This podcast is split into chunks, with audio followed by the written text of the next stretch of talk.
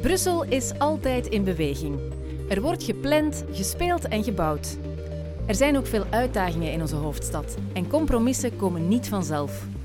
Hoe raak je dan toch een stap verder? Daarover sta ik even stil met de mensen die Brussel doen bougeren. Hoe vat je het nieuws samen in één krachtige tekening? En hoe doe je dat zowat elke week decennia aan een stuk?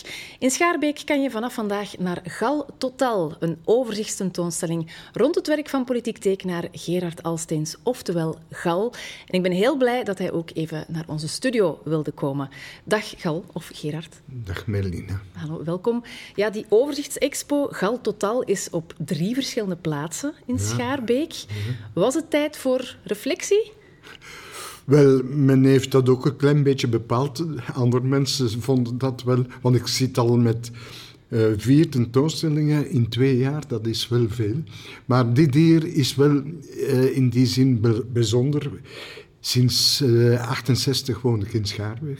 Heb ik altijd gewerkt, heb ik lesgegeven. Ereburger dus, ook? Ereburger ben ik ook. Dus dat maakte dat dat wel de plek was to be en waar ik to be moest zijn. Ja, en hoeveel werk hangt of staat of ligt daar dan? God, moest dat nu weten? Schatting, dat een ruimschatting. Oh, in het heel met alles wat daar te zien is. Hè? Want daar is ook drie dimensies, klein drie dimensies en zo te zien. Oh, dat zullen er honderden zijn. Ja, uh, honderden werken. Ja, ja, drie verschillende plekken. Hè. Van, ja, van jouw hand natuurlijk. Hè. Want je zei het zelf ook al, het zijn niet alleen tekeningen. Nee. Er zijn bijvoorbeeld ook oesterschelpen. Wat, wat, heb jij met oesterschelpen? Wel, ik eet ze graag, oesters. Dus dat is één. Daardoor hou ik de schelpen bij. En je kunt niet geloven hoe verwonderlijke vormen dat dat bevat. En heel verscheiden vormen. Dus niet zomaar een schelp zoals men dat zou banaal kunnen noemen. Een schelp is een schelp. Nee, dat heeft... Uh, dat stimuleert mijn verbeelding en daardoor kan ik oesterschelpen zien hoe dat uh, een bibliothecaris met uh, ontblote of zijn zijn uh, schedel bloot met hersens bloot en zo. Dat kan ik daar allemaal in zien. Je kunt zeggen, maar dat, dat, dat kan toch niet? Maar dat is effectief. Dat stimuleert mijn verbeelding en daar zijn er ook. En jij hebt die dan bewerkt? Ik heb die bewerkt. Ik heb daar nauwelijks iets aan gedaan. Ik heb ze wel geschilderd, maar ik heb daar af en toe een klein beetje zitten krabben en zo om de vormen wat meer tot zijn recht te laten komen. Maar het is bijna puur, puur natuur, ja. uh, dus beschilderd. Ja, ja, want verwondering en verontwaardiging, dat is eigenlijk wat jou drijft, hè? Ja. Waar, waardoor jij bent beginnen tekenen. Ja. Um, maar ja, er is natuurlijk heel veel om verontwaardigd over te zijn. Ja. Hoe kies je dat dan? Uh, dat is iets dat opkomt. Ik bedoel, wanneer dat je in de week was er ook een manifestatie. Mensen die tegen seksuele opvoeding uh, zijn en daartegen manifesteren, daar kan ik, daar kan ik moeilijk bij. Mhm. En ik heb onder meer tentoonstelling in, uh, in, in, de bibliotheek is dat. En daar zie je een ensemble op een houten blok met schelpen op bootjes, zou ik zeggen, op staafjes. En dat zijn allemaal les, les origines du monde. Les origines du monde, dat is verwijzend naar de schilderij van Delacroix, namelijk een vulva waar dat je mm -hmm. in kijkt. En ik neem nu uh, lessen van seksuele opvoeding die beetje bij beetje verdwijnen. En daar kun je zien, uh, een stuk of klein twintigtal vulvas die op pootjes staan en die de verscheidenheid van de mensen en de l'origine, les origines du monde tonen. Ja. Dus dat is onder meer te... Ja, dus de dagdagelijkse actualiteit ja, blijft jou elke ja, dag inspireren? Want wel, ja, Er is, ik zei het al, er is zoveel. Maar hoe, hoe begin je daaraan? Wel, in het algemeen, het is zo dus dat ik uh, los van andere werk dat ik moet maken, één tekening per week maak voor knakken. En dan is het kiezen uit de drie uh, items die ik op voorhand zou uh, bedenken met, en bevruchten met een idee, zeg ik altijd. Uh, en waardoor dat ik dan moet, zijn lange lessen, ik werk op de zondag en maandag moet de tekening binnen zijn. En dus maandagmorgen begin ik met een uitwerking van een idee. Ja, en dan zit jij thuis aan de keukentafel, hè, want het is daar dat je tekent. Ja. En dan zet jij jouw idee op papier. Dan, dan zit ik tot vroeg in de avond te werken aan die Ja. tekening en dan moet ik ermee stoppen. Dus een, he- het, het neemt een hele dag in beslag. Ja, dat is afhankelijk natuurlijk van... eh, Als er honderd personages op staan, dan ga ik zelfs een dag voordien eh beginnen. Maar eh, dat neemt, mij, neemt in het algemeen ja, toch bijna een, een volledige dag in beslag. Ja. En ja, jij mag het nieuws nooit missen eigenlijk. Hè? Want als je politiek tekent of actualiteit tekent, ben je elke dag op de hoogte. Lees je dan alle kranten? Kijk je alle nieuwsbulletins? Vroeger had ik veel kranten, maar ik heb een oogprobleem... En waardoor dat ik dus wel minder kranten aan kan. Dus, maar het is wel zo dus dat ik een...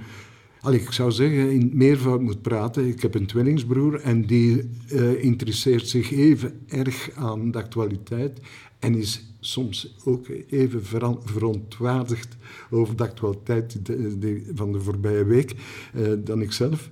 Eh, dus nee, eh, wij hebben dat precies, ik weet niet, met de pappen hebben, binnengekregen dat geïnteresseerd zijn in de tijd dat men beleeft. Ja. Want dat vind ik de enige tijd dat men kan beleven, dat is de tijd waar men Dat is het in leeft. nu eigenlijk. Het Jij leeft nu. heel hard in het nu. Ja, en ik begrijp, hè, er zijn mensen, ik denk nou aan Christine Emmers, die zegt, ik vind dat erg, dat, wat er allemaal gebeurt, ik kan het bijna niet aan. En ik begrijp dat. Veel mensen haken af om, omdat er te veel negatief nieuws is. Nu, mijn job is natuurlijk dat negatief nieuws draaglijker soms te maken. Wanneer, wanneer dat je dat uitgewerkt hebt en je ziet het nog een keer misschien in beeld. Ik vind niet dat dat bezwarend is, maar dat kan louterend worden, werken. Dus Mhm. Kan je het daardoor beter loslaten? ik persoonlijk ook wel, ja. Ja. Dus jij ziet het nieuws, je bent dan kwaad of verontwaardigd, je zet het op papier en dan is het weg. Weg, we- maar ik heb het gezegd. Dat is, ja, ik zou bijna eh, een beetje vreemdvoud kunnen zeggen. Als men eh, kwaad geweest is en gezegd heeft, dan, dan, dan is het toch wel ja, louterend. Ja. Ja, ja op naar het volgende dan. Ja. Ja, ja je, je, bent, je, hebt, je, hebt, je hebt al veel gedaan, hè? dat blijkt ook uit die, uit die expo. Misschien moeten we er eens een paar cartoons ehm, bijhalen, of politieke tekeningen van jou, want cartoons zijn het niet altijd. Het is niet altijd, altijd om mee te lachen, hè? dat zeg je zelf ook. Nee, nee. Want dat is wat men... Ik heb dat nooit gekozen, eh, cartoonist. Ik heb mij vroeger altijd tekenaar genoemd. Eh, en cartoonist, dat is iemand die wil laten lachen. Ik wil dat ook, eventueel als het moet of als het kan. Maar het is wel toch een soort esprit, dessin d'esprit, zoals ze zeggen. Dus even reflecteren over wat er gebeurd is en zo. Ik heb erover gereflecteerd. De mensen mogen dat Ja. ook doen die Ja, mensen doen nadenken eigenlijk. ja, dat is misschien pretentieus, maar ik ben ook een oud leraar. hè. Ja, ja, maar dat is ook de taak van een leraar, hè, om mensen te doen nadenken. En ik heb jou zo ook leren kennen, denk ik. Mijn, mijn leerkracht geschiedenis nam af en toe politieke cartoons of politieke tekeningen op in, in testen, in toetsen. En dan moesten wij inderdaad schrijven van wat gaat de tekenaar hier bedoeld hebben en over welk actueel feit gaat dit, et cetera. Dus kijk, voilà. Ehm, maar eh, een paar concrete eh, tekeningen van jou. Eentje komt uit het COVID-tijdperk. hè. We zien een, een, een mondmasker in van die periodes, zoals COVID, ja, dat is dan een beetje nieuwsluwer. Viel er toen wel iets anders te tekenen dan mondmaskers? Wel, ja, er was een, misschien niet zoveel te tekenen, maar dat mondmasker... Ik vooral, en dat was in het algemeen zo, dus dat mensen vooral angstig waren. En ja, er, effectief, met reden, er zijn zoveel slachtoffers gevallen. En dus eh, uiteindelijk waren we allemaal verplicht om mondmaskers overal... En we konden zelfs niet buiten. En dat niet buiten kunnen, heb ik dat met die jaloezie eh, laten zien... waar dat je dus iemand angstig naar buiten kijkt, eh, naar de wereld die toen Ja, heel dreigend was. jij wou die angst verbeelden. Ik wou die angst verbeelden, men- omdat de mensen zouden minder angst zouden hebben. Ja. Dat, Ja. Want op zich, ja, we waren toen allemaal een beetje opgesloten. Hè. We Ja, aan het vereenzamen. Ja. Maar ja, tekenaar zijn is toch ook best een eenzaam beroep.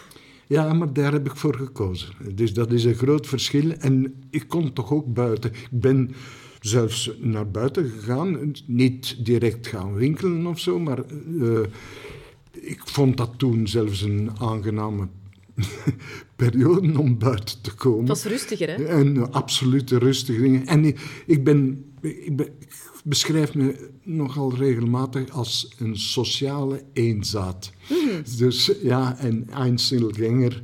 Uh, en ja, ik ben graag ook alleen. En, en ik werk graag alleen. Mijn ik zou moeilijk bijvoorbeeld, en dat zijn mensen, een goede vriendin en oud-leerling, eh, Judith van Issendaal, die werkt graag in, in een atelier samen met andere mensen. Wel, ik doe dat niet. Mijn kinderen mogen altijd komen en zien wat ik doe en zo, maar ik ben eerder, zou ik zeggen, een eh, eenzame. Uh, ook zelfs genieter, maar vooral werk, werkzaam. Ja, geen pottenkijkers erbij. Nee. Een andere cartoon is ehm, die van ja, een zwarte man met een, een, een witte pleister uh, over zijn mond. Die dateert nog uit het uh, ja, tijdperk van de apartheid in Zuid-Afrika. Dat waren eigenlijk prenten van jou die ja, heel de wereld rondgingen. Viraal zouden genoemd worden vandaag. Toen waren het affiches. Ik heb een tijdje gewerkt voor de Internationale Vakbond en die publiceerde affiches in, ik denk, vijf verschillende talen. Uh, beeld was altijd hetzelfde.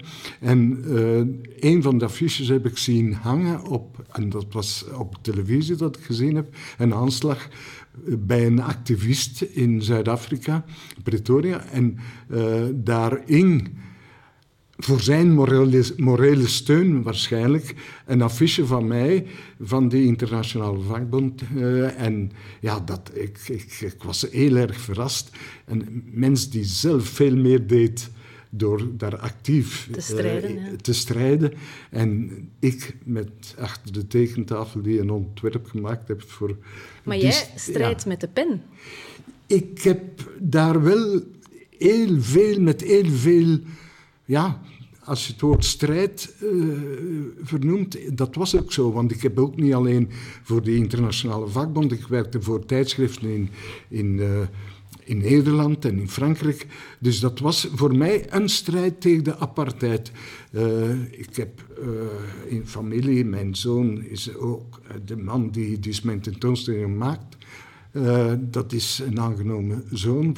Toen hij twee jaar was, is hij gekomen van India. Dus om maar te zeggen, dat is ook een kleurling en zo. Het is niet alleen zomaar vrijblijvend. Ik, ik, ik ben er begaan met mensen die een verschillende huidskleur hebben en zouden om die reden dus in een apartheidregime moeten functioneren. Dus daar heb ik dan wel mijn steentje bij gedragen, ja, denk ja, ik. Toen heb je ook wel echt de impact gevoeld van wat je doet, toch?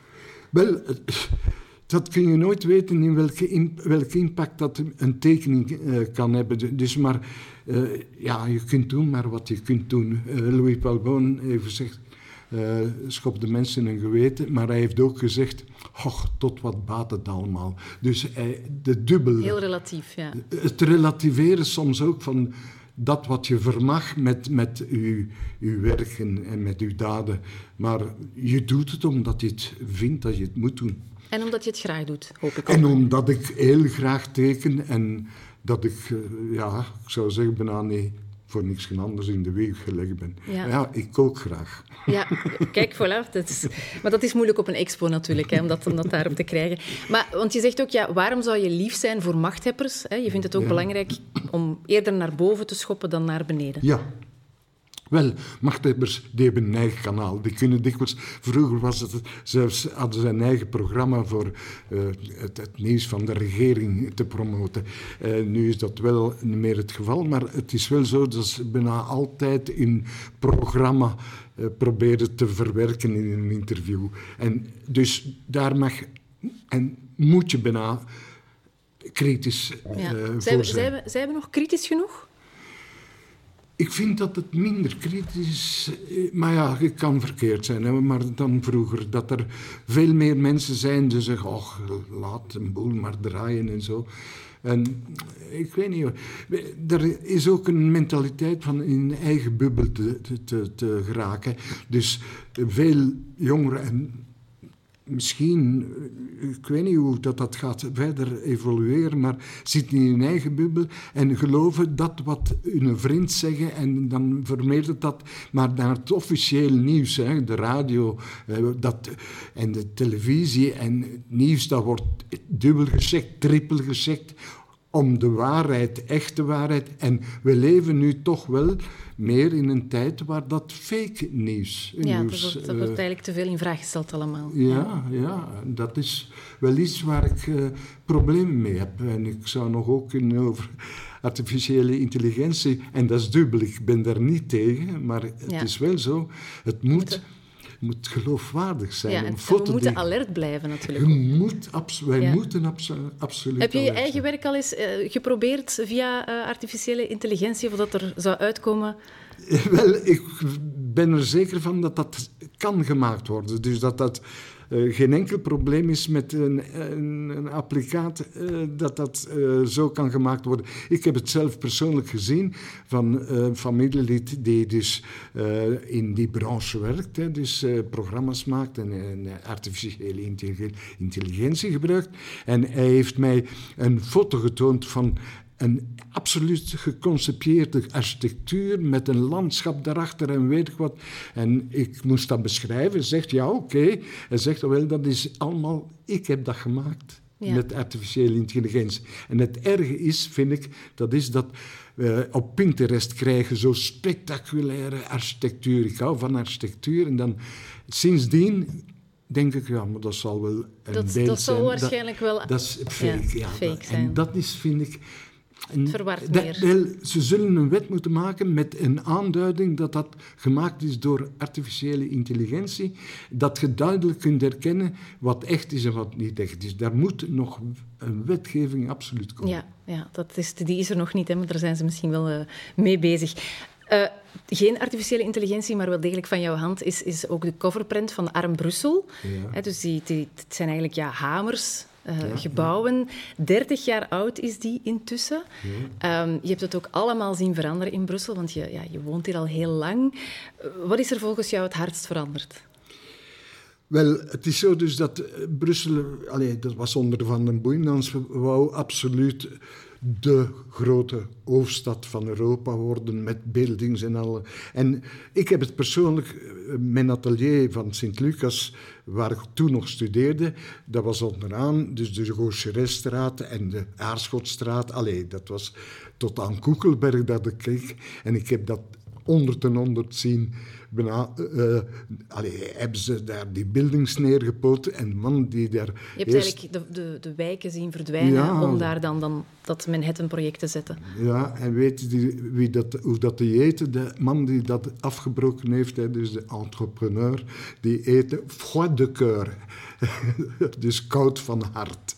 En ik heb daar de foto's nog van genomen, van zo'n container. Eh, dat is enerzijds dat veranderd is.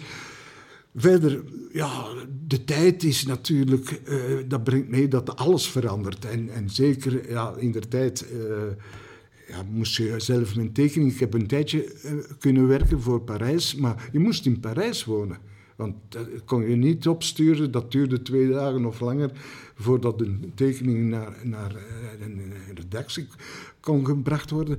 Eh, dus in die zin, nu kun je dus in Zuid-Afrika wonen en, en je tekening opsturen, je kunt overal wonen. Dus in die zin is dat ook eh, Brussel niet meer nodig om daar te wonen. Ja, ja. Maar ik ben toch heel blij dat, dat jij gewoon in Brussel bent gebleven. Bedankt Be- voor het gesprek. Wel, bedankt u ook.